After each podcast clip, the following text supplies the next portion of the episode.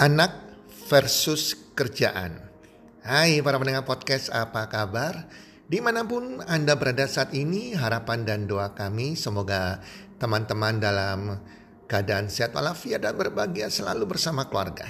Dan pasti-pastinya rezeki Anda akan makin bertambah dari hari ke hari serta kesuksesan dan keberuntungan selalu menyertai Anda di sepanjang tahun ini. Para pendengar podcast, di podcast kali ini kembali lagi Bro Eka Darmadi hadir dengan narasumber yaitu Sudari Kweni. Mereka akan berbincang-bincang tentang anak versus kerjaan. Dan bagi Anda yang ibu-ibu muda, materi ini sangat penting sekali untuk Anda dengarkan bersama. Yuk kita dengar sama-sama anak versus kerjaan dari Saudara Eka Darmadi dan Saudari Koeni.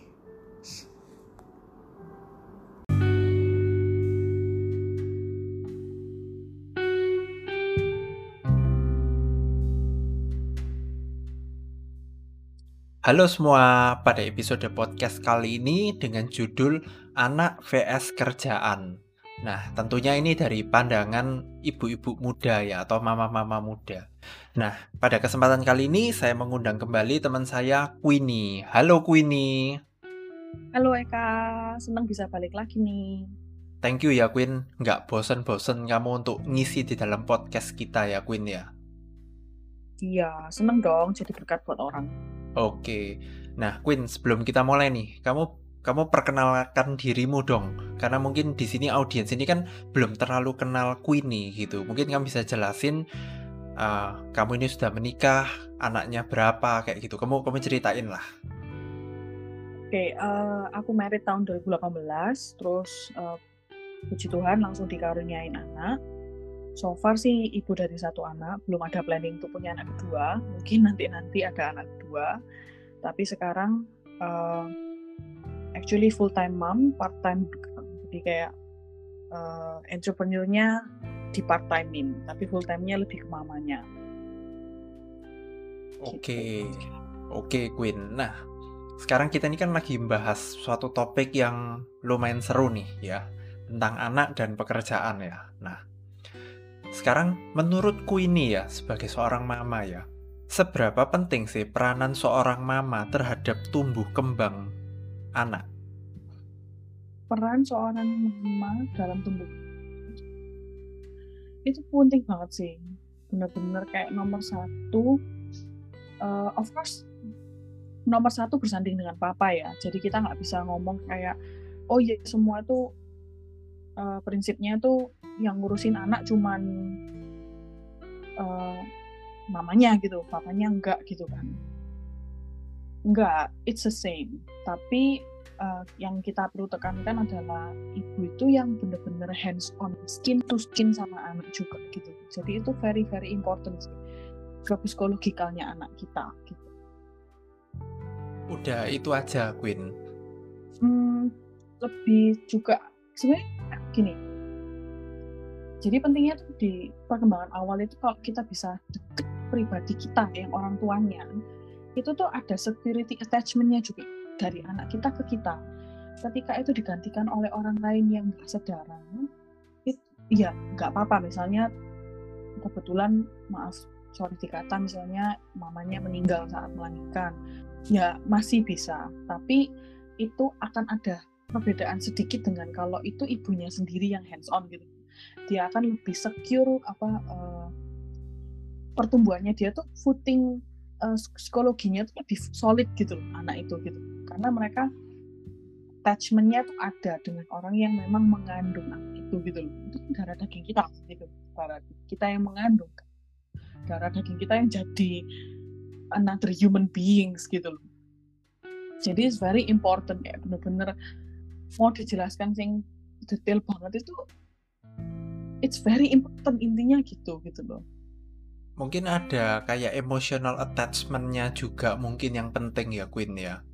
Betul emotional attachment terus makanya dia bilang security-nya ada jadi dia lebih ada confidence-nya lebih bagus nanti gedenya maksudnya semakin dia bertumbuh dia tahu security-nya dia tuh di mamanya kayak gitu. Mamanya knows him her well jadi dia mau learn something itu dia lebih tatak gitu loh jadi kayak ada ibaratnya tuh kalau orang bilang tuh telepatinya ada gitu. Jadi antara anak dan kayak ketika misalnya saya bilang nih anaknya misalnya ikan nanti punya anak gitu. Dia bilang aku bilang sama anaknya e, anti percaya sama kamu loh gitu. Dengan nanti istrinya Ika yang ngomong mamanya yang ngomong akan lebih powerful mamanya. Karena ada telepatinya ada koneksinya ada koneksi batiniah yang nggak bisa di replace gitu.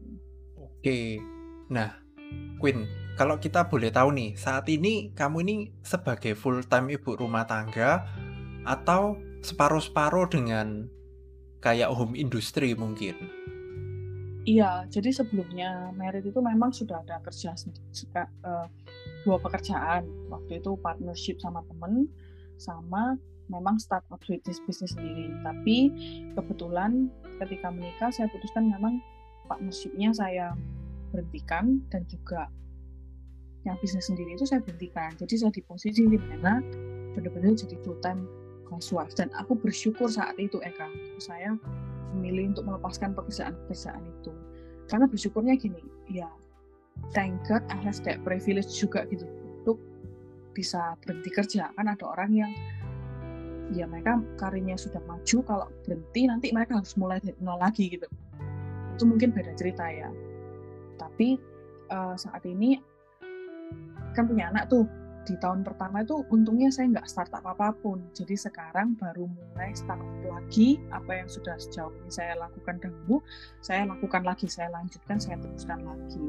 Yaitu home industry tadi itu. Hmm. Nah, apa yang menyebabkan Queen ini ya pengen untuk kembali terjun ke dalam dunia bisnis Queen?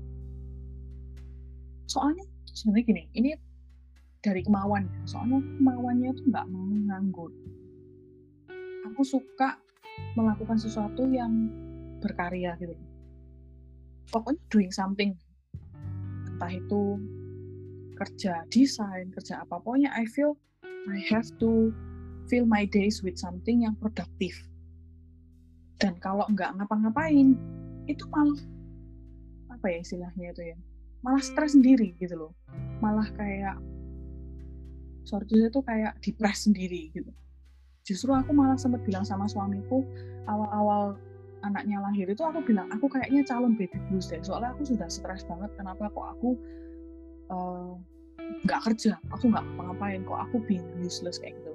Sedangkan itu mindset yang akhirnya aku bisa overcome dan sekarang ini yang ngomong sama Eka yang pengen aku share pengalaman itu yang pengen tak share ke orang gitu perspektif baru yang aku dapatkan itu. Oke, nah Queen, ketika seorang mama ya terjun di dalam dunia bisnis ya, tentu pasti ada suatu dampaknya terhadap anak kan. Misalnya nih kayak waktunya berkurang lah, konsentrasinya terpecah. Nah, kalau menurut menurutku ini nih sebagai seorang mama nih, ya kan, apa sih dampaknya buat anak kalau mamanya ini aktif dalam berbisnisku ini? Sebenarnya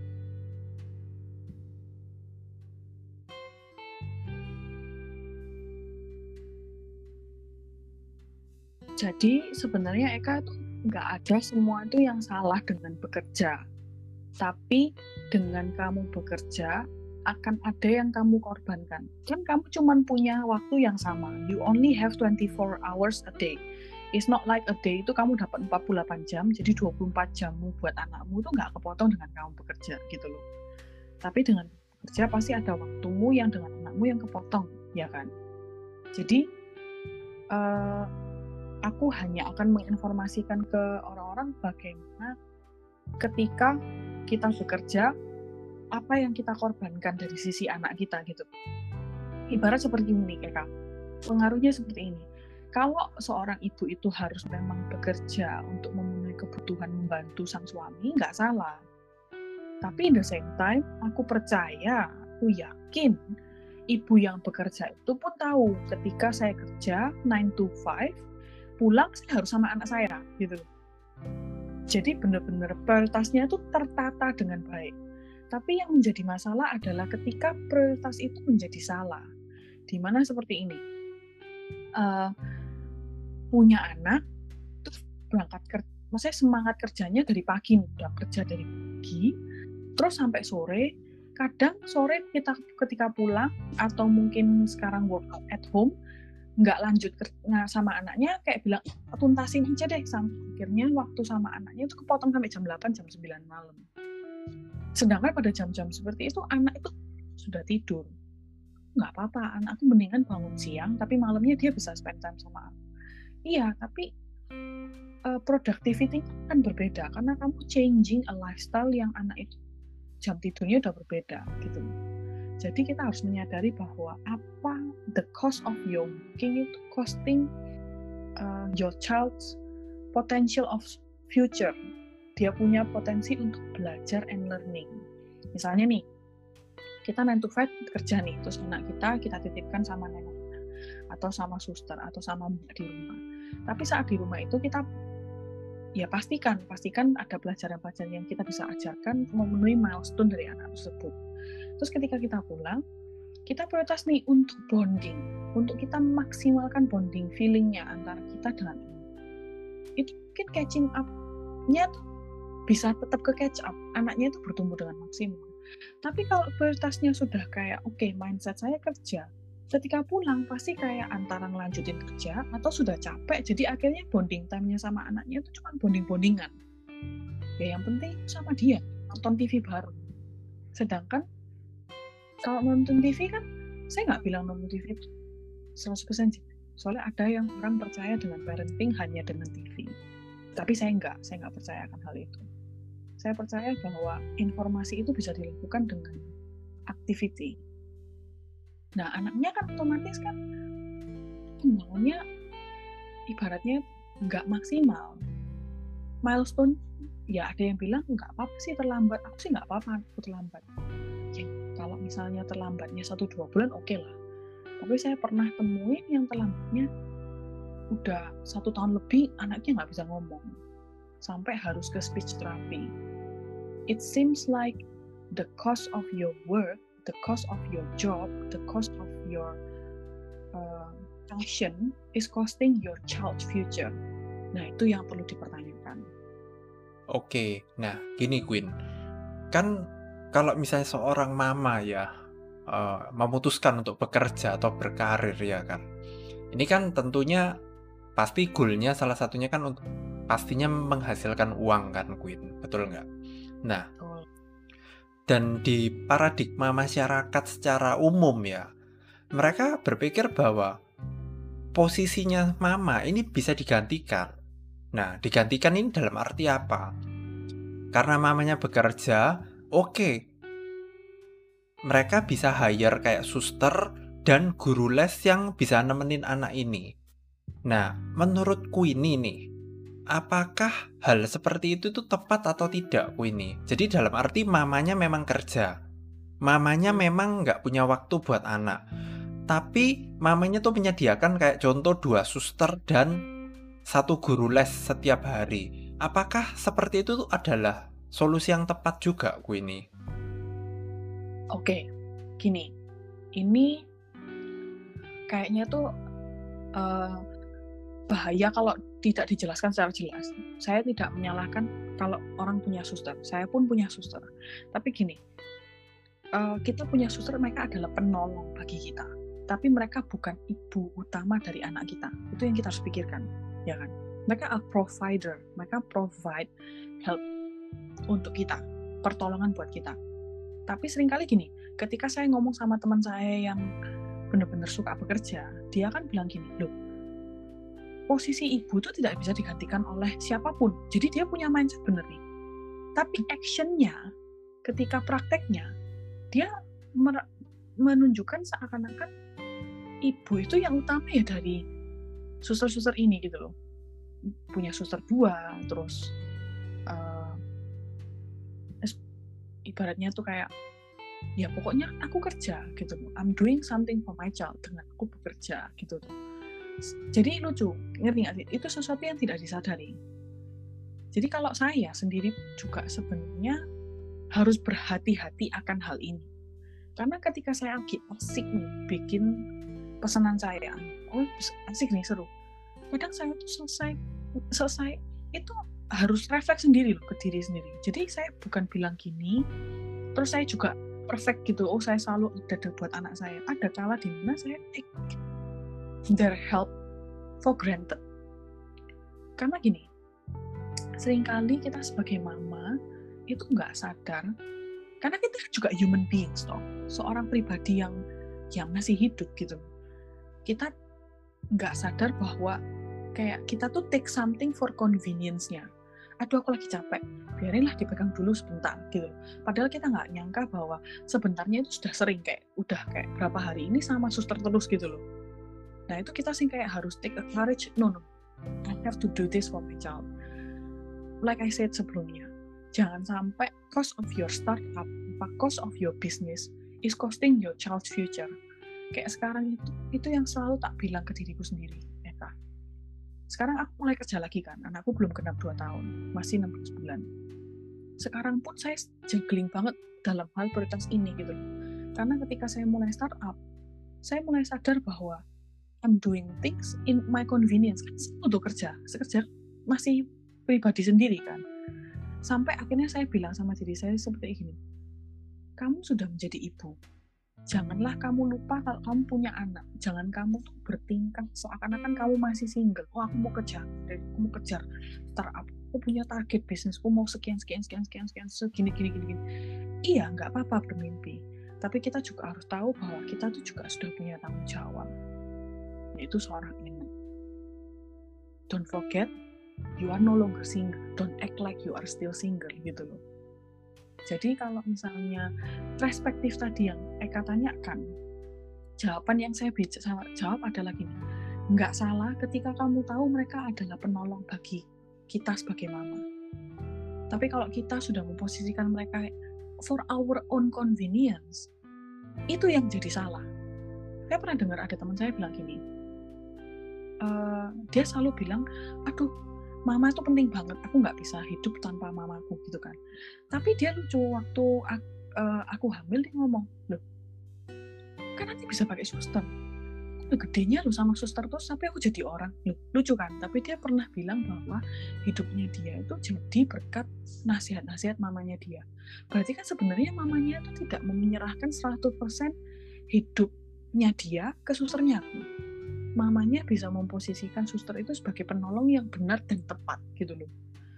Nah, tapi dia punya mindset yang salah dan ketika punya anak, dia melihat anak itu kayak ya dia yang dia tahu posisinya dia, tapi kayak for her convenience ketika dia pulang kerja dia udah capek dia bilang udah terus tidurin nanti aku kalau dia bangun baru aku padahal momen-momen saat tidurin tuh momen-momen bonding bisa kayak reading books dia di situ bisa kenal vocabulary dari membacakan, dari kita cerita, dari kita ngomong, dari kita kayak just being there for our child itu adding dia punya milestone gitu loh.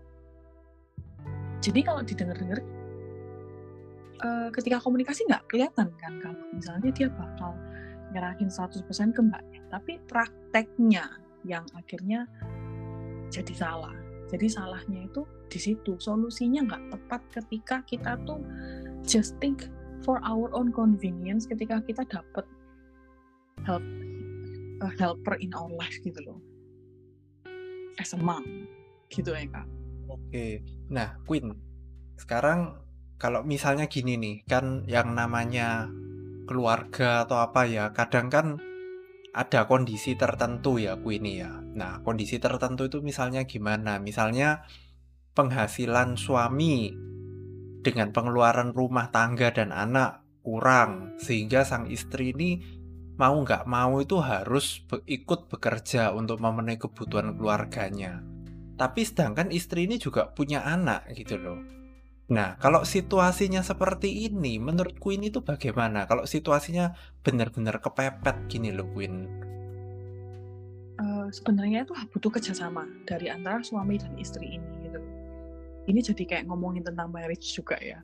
Tapi sedikit-sedikit lah. Itu kan come in one package as a mom. As a mom tuh ya saya ketika ngomong sama suamiku untungnya suamiku selalu bilang e, income nomor satu harus dari aku. Dia bilang gitu. Karena dia as a man dia bilang aku man of the family. To provide for you. Kamu mau start up ini boleh tapi you have to remember my priority itu providing you and then our kids. Maksudnya kayak dalam dalam segi waktu ya prioritasnya. But you number one kamu harus prioritas anakmu baru startupmu. Jadi ketika kita punya kesepakatan itu, ketika ada ke, misalnya nih kebutuhan ekonomi yang kurang, aku nggak terlalu genjot-genjot amat karena aku tahu dek mana aku bisa komunikasikan itu sama suamiku. Yang ini kayaknya bulan ini kita bakal needs a lot of things. Nah kalau gitu kamu bisa nggak genjot kerjaanmu? Ya dia genjot di situ. Kalau dia nggak bisa, otomatis kan berarti kan rely on me. Jadi kan siapa tahu aku bisa kasih tambahan gitu tuh dari startupku ya udah aku genjot startup tapi in my mind I know kita sudah punya kesepakatan gitu jadi ketika kita ngorbanin waktu anak kita we know at what cost kita mengorbankannya. Tapi yang salah tuh maksudnya gini ketika sudah kayak jelas-jelas ekonominya kurang ya toh akhirnya sang istri harus kerja tapi kerjanya juga yang kayak lempar-lempar prioritas anaknya gitu. Aku nih kerja aku dituntut sama bos gini kamu lah yang pulang cepet gitu. Nah yang cowok loh the family ah, jadi nggak ada yang ngalah. Akhirnya pulangnya ketemu anaknya atau gini kita boleh aja oh kamu work at home. Tapi kalau kamu di kamar terus terus anakmu di luar kan ya sama aja nggak kumpul kan?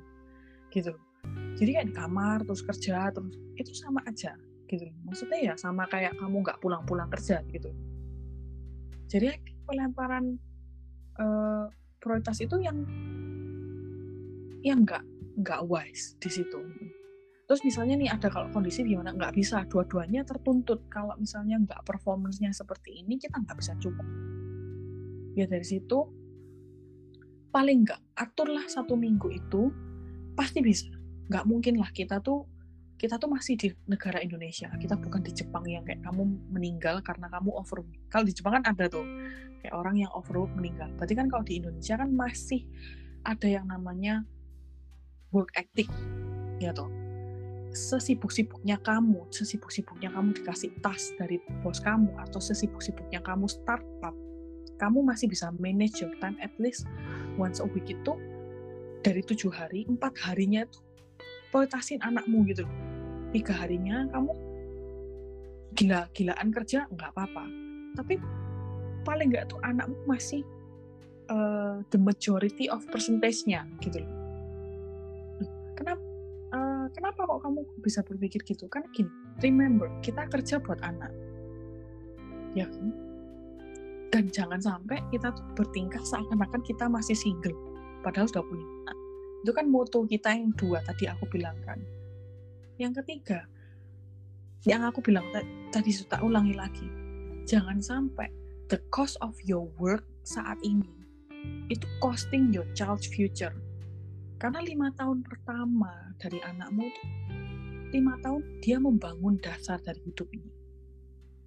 It's very important for us to remember that kerjaan kita buat mereka startupku ini juga buat anakku nantinya. Misalnya nih aku sudah jaya, terus aku punya cabang seluruh Indonesia. Tapi anak very incapable of a lot of things juga ambruk juga, hilang juga. Nanti kayak disalahin anaknya lagi. Anaknya sih nggak pintar kerja loh. Jangan dilihat gitu dulu. Kita harus juga lihat tarik dong dari masa kecilnya gimana. Gitu. Tapi juga ya memang ada anak yang memang kapabilitasnya terbatas. Tapi kan kalau misalnya kita bisa mengembangkan semaksimal yang kita bisa, at least kan we done, we done our best gitu loh. Dan biasanya when we do our best kita nggak mungkin kecewa toh. Anak kita kan pasti bisa elek-elek kok bisa nerus no gitu loh. Nah, itu yang harus kita remember. Saat kita menatanya itu dengan benar pasti masih bisa lah disempetin kita bonding sama anak kita. Dan yang aku kutip yang paling aku bisa tekanin itu adalah gini ketika saat aku ada di komunitasku sekarang yang sama-sama mami-mami itu kelihatan banget. Ada mama-mama yang kayak waktunya tuh habis buat kerja. Capek banget wah kita harus kerja begini begini begini begini. Lu harus pulang jam 10 malam. Sama aku sampai bertanya terus kapan kamu punya waktu buat anakmu? Ya aku video call sama anakku. I think it's enough. Kerja padahal kita tahu bahwa online school nggak maksimal. Kita juga menanti-nantikan anaknya offline school. Tapi bonding bisa di onlinein gitu bagaimana bisa kan gitu. Akhirnya nggak lama setelah saya komunikasi dengan ini dia kan yang cerita bahwa saat ini anaknya harus terapi tumbuh kembangnya terlambat sekali terlambat dua tahun. Loh berarti milestone-nya yang nggak nggak kesampaian banyak banget dong gitu sukses kerjanya. Sampai bisa beli tas branded bisa beli ini beli itu. Buat cost? The cost of your child's future. Memang kamu penghasilanmu sangat besar sampai terapi itu terlihat murah. Tapi kan tetap aja it, the cost of your child's future is is that worth it gitu loh. Is that a worth lifestyle? Menurutku seperti itu kan banget gak sih kamu? Oke. Okay. Well, ya semua ada plus minusnya ya Queen ya karena kan kayak apa ya segala keputusan atau apa pun itu pasti ada konsekuensinya betul nggak? Betul. Nah sekarang kita pakai skenario kedua nih. Nah skenario kedua ini adalah kalau misalnya seorang mama ini tidak dituntut untuk bekerja dalam arti pendapatan dari suami itu lebih dari cukup untuk kebutuhan mama dan anak ini ya toh? Menurutku ini sebaiknya mama ini gimana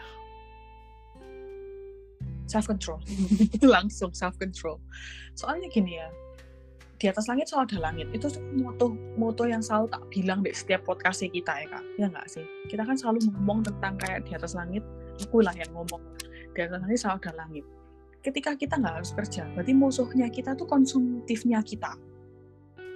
The demand of our lifestyle. Berarti kan gitu loh. Terus kayak bilang, loh aku ini perlu sibuk loh, supaya aku nggak stres. Kalau gitu kan berarti bisa tuh, kayak sekarang seperti yang tak lakukan. Aku cuman buka order seminggu sekali. Jadi aku sibuknya cuma dua hari dari tujuh hari. Aku punya lima hari untuk aku sama anakku dan suamiku gitu berarti kan masih kayak istilahnya 20% dari waktuku total dalam seminggu. Berarti kan nggak harus kerja toh. Tapi kalau aku mentarget diri, oke okay, dari kerjaan ini aku harus bisa berpenghasilan sekian. Loh buat apa? Oh, supaya aku bisa beliin anakku ini. Supaya aku bisa sekolahin anakku di sini. But berarti kan everything is about materialism kan maksudnya sesuatu yang bisa dibeli dari uang soalnya kita tuh jangan buat menghasilkan uang tuh masa kita kerja buat apa kalau kita kerja menghasilkan uang berarti kan itu charity tuh kegiatan sosial kan gitu bakti sosial kita kerja itu kan memang hasilin duit tapi tujuannya ke mana kalau kita sudah cukup kebutuhan pokok kita cukup berarti kan pertanyaan kedua ketika kita punya uang lebih berarti kan kita bisa meningkat lifestyle kan lifestyle kita loh dengan cara misalnya kita start to buy something expensive something more luxury gitu, something more privilege gitu, something more uh, necessary but in the better quality gitu. Tapi at what cost? Misalnya kayak ada certain things that is good enough. We are in the position ya nah kan gini, kalau misalnya nggak perlu bekerja, berarti lumayan privilege ya kayak. Berarti standar hidupnya di atas rata-rata berarti kan kalau misalnya di atas rata-rata ketika ada se extra cash is for luxury goods kan kayak misalnya barang branded atau apa uh, coba kita itu kayak need a humble heart and fully understand that is this goods luxury goods enough to be cost for my child's future. Soalnya gini ini lumayan sesuatu yang aku tuh uh, passionate untuk share. Kalau kita misalnya bisa bonding sama anak kita, anak kita lebih punya kepercayaan diri yang lebih baik. Dia punya perkembangan yang lebih baik. Dia as a human being dia lebih secure lebih independen dan itu yang ingin tanamkan. Tapi kalau kita tidak punya waktu yang cukup ya anak kita otomatis ya anak kita tumbuh. Maksudnya tetap, ya tetap fine fine aja. Maksudku bisa loh itu terlihat baik-baik aja yang tambun gendut. Maksudnya anaknya badannya juga terurus pertumbuhan secara fisiknya oke okay, makannya terpenuhi. Tapi how about mentality about maksudnya bagaimana dengan mindsetnya? Bagaimana dengan open mindednya open mindednya itu terkontrol nggak? Terpimpin nggak? Terarah nggak? Gitu. Itu hal-hal yang hanya bisa di achieve ketika kita punya waktu dengan kita, kita spend our time menanamkan nilai-nilai itu ke anak kita. Dan bayangkan waktu itu tersita hanya karena kita memaksakan kerja supaya kita punya extra cash untuk kita buy luxury goods. Ya, jangan salahkan kalau anak kita nantinya memprioritaskan branding lebih tinggi daripada importance of growing gitu. Maksudnya kayak mamanya aja bingung barang branded gitu. Apalagi Nah, caranya menyintai anaknya dengan barang branded. Nah, bagaimana dengan bagaimana kita misalnya ngomong gini, misalnya nih contoh ada temanku yang ini lumayan cukup deh gitu. Dia bilang, aduh gila kalau sekolah anaknya di sini tuh bahaya banget di komunitas ini. Ya kenapa? Iya soalnya teman-temannya pakai ini, pakai ini, pakai ini, pakai ini. Terus jadi anaknya suka minta, belum apa-apa udah minta ini, belum apa-apa.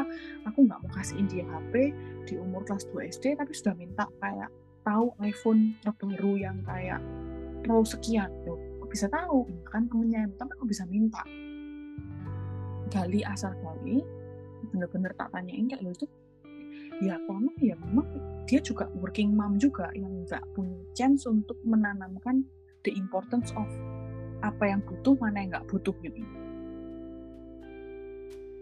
Jadi sebenarnya nggak salah. Ya anak maksudnya nggak salah yang kayak gini.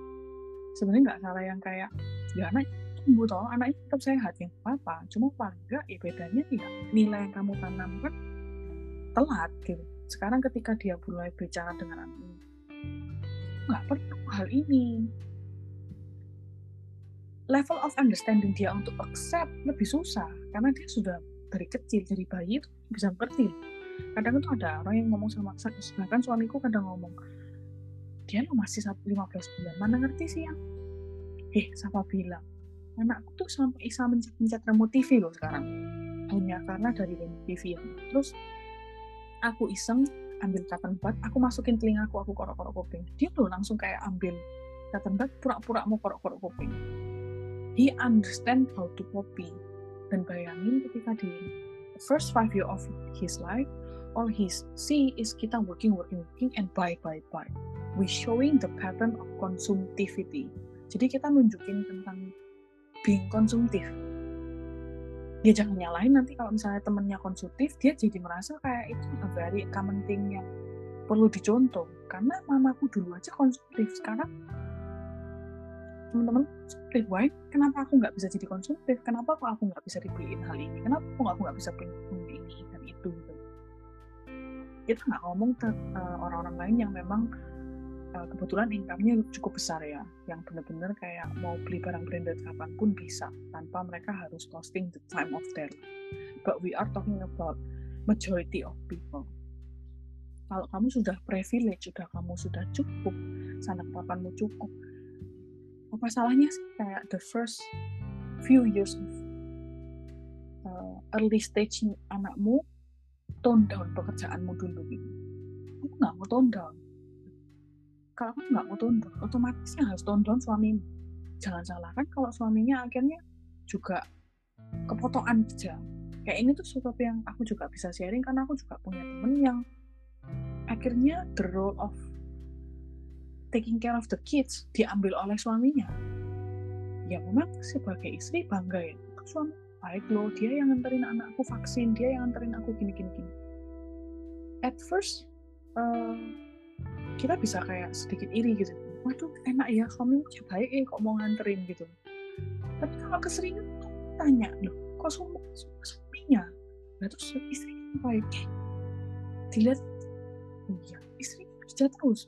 Nah terus akhirnya yang juga ngomel aduh suami lu nggak aspiro oh, kerjaannya nggak aspiro oh, maju. Ya gimana mau maju kalau waktunya dipakai buat ngurusin anak ngerti nggak sih maksudnya? Everyone at the same of the time. Kalau misalnya prioritas of the family-nya kacau ya jangan nyalahin kalau husbandnya kacau gitu kamu mau dedikasi otomatis one of you harus ngalah. Kalau dua-duanya nggak ngalah ya ya kamu bisa bayangin anaknya yang taking care siapa?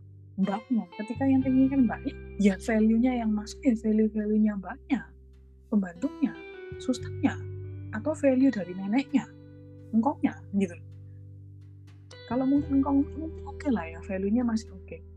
tapi kalau value-nya yang dari mbak atau yang dari suster yang completely stranger kita nggak bilang mereka jelek atau buruk ya. Ada loh suster-suster yang memang bisa ngajarin hal yang baik. Tapi kan kita talking about they are actually someone that we hire pekerja stranger in our household. Terus kalau mereka yang membuilding basic life of our kids. Nanti kalau anaknya gedenya rebel atau anaknya gedenya berbeda perspektif bilangnya apa? Ya nggak aku salah gaulan nih it's it's so absurd gitu loh. Kayak bisa jadi ya dari kecil gimana gitu as early as we can we can apa ya prevent things gitu.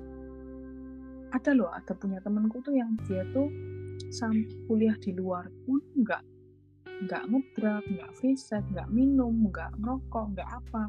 Terus aku tanya sama dia what is your secret? Why your your life kamu kayak since you know what you want kamu bisa take care of your maksudnya kayak bisa punya pendidikan yang kuat lah cuma jawab kayak ya dari kecil aku dikasih pemahaman yang jelas sih tentang lifestyle jadi aku nggak merasa aku harus do all that to be accepted jadi dia akhirnya punya career yang excel gitu karena nggak suka ikut-ikutan. Oke. Nah, Queen, dari semua hal yang tadi kita bahas ya kan. Nah, menurut menurut Queen ini kalau kita simpulin ya, apakah worth it seorang mama mengorbankan kayak kesenangan, karir, kemewahan dan sebagainya untuk fokus kepada tumbuh kembang sang anak? maksudnya mengorbankan semua itu untuk fokus yes di di tahun-tahun produktifnya anak ya golden age-nya anak. Iya worth it. Tadi sorry ya tadi ini panjang banget memang. Tapi intinya dari semua itu worth it it's very worth it to sacrifice at least five years of your life for that. Kan kamu it's a commitment loh ketika kamu punya anak.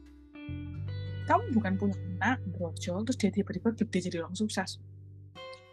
Terus kamu punya anak otomatis it comes with the responsibility and the risk.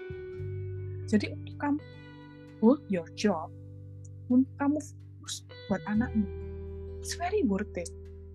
Especially ketika kamu punya kapasitas untuk menjaga lifestylemu dari income suamimu aja atau mungkin dari pasif income gitu loh. Terus ngapain kamu harus menyibukkan diri pada sesuatu yang sebenarnya chasing something costing your child punya future terus ngapain punya anak? Oke. Nah sebagai pertanyaan penutup nih Queen. Apa pesan-pesan Queenie buat mama-mama muda di luar sana Queen? Pesan-pesanku gini. Kita sering kali ingin mendidik anak kita tuh dengan benar.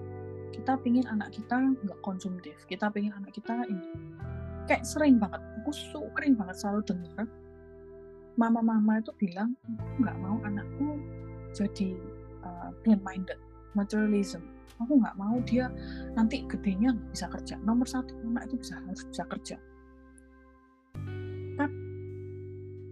your sacrifice is not start from their early stage. Jadi pesanku buat mama-mama, it come with cost. Everything that you want to teach to your children, itu kamu harus bisa menjadi pelakunya dulu. Kamu harus bisa berkorban dulu. Dan itu changing mindset yang besar banget loh, apalagi di society yang sekarang ini very toxic. Ketika kita buka Instagram, kita langsung lihat lifestyle yang kayak setiap hari harus baju baru, tas baru, dan lain-lain. Atau, oke, okay, kita nggak lihat nih orang yang toxic nih, kita punya lingkungan yang baik. Tapi kita have a consum, uh, konsumtif yang tinggi. Nah, bagaimana kita bisa menanamkan sesuatu yang baik buat anak kita? Gitu.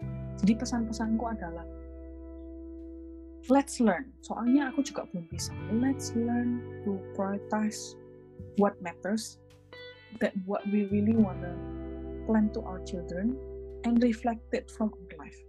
Lakukan itu dulu di diri sendiri. Aku punya anak awal-awal, aku harus kills what I kayak aku benar-benar mematikan perasaanku yang pingin konsumtif, pingin ini, pingin ini, kayak itu karena aku pengen show to my kids the value of money jadi aku harus savoring ya bukan pelit ya tapi teaching him to be wise from the early stage kalau sedikit-sedikit aku beli mainan yang paling advance, paling mahal, ya bisa aja. Ada kalanya aku beliin dia main super advance. Tapi, is that what you really want to teach to your kids? Jadi pesan-pesanku adalah it start from us dari kita ibu. Aku pernah dibilangin sama temenku, ini singkatnya ya, rumah tangga yang baik, yang bertahan, itu selalu kuncinya di mama. Kita nggak bilang kalau papanya nakal ya, terus papanya lari. Papanya lari pun, yang bisa mempertahankan rumah tangga itu selalu ibu dari mama. Jadi kita sebagai mama, yuk learn learn to strip off our unnecessary desire supaya kita bisa adding value to our kids. Oke, oke, luar biasa banget ya mamaku ini ya. Nah, buat para pendengar ya, ini adalah sekian dari episode kita kali ini. Sampai jumpa di episode-episode kita selanjutnya. Dadah.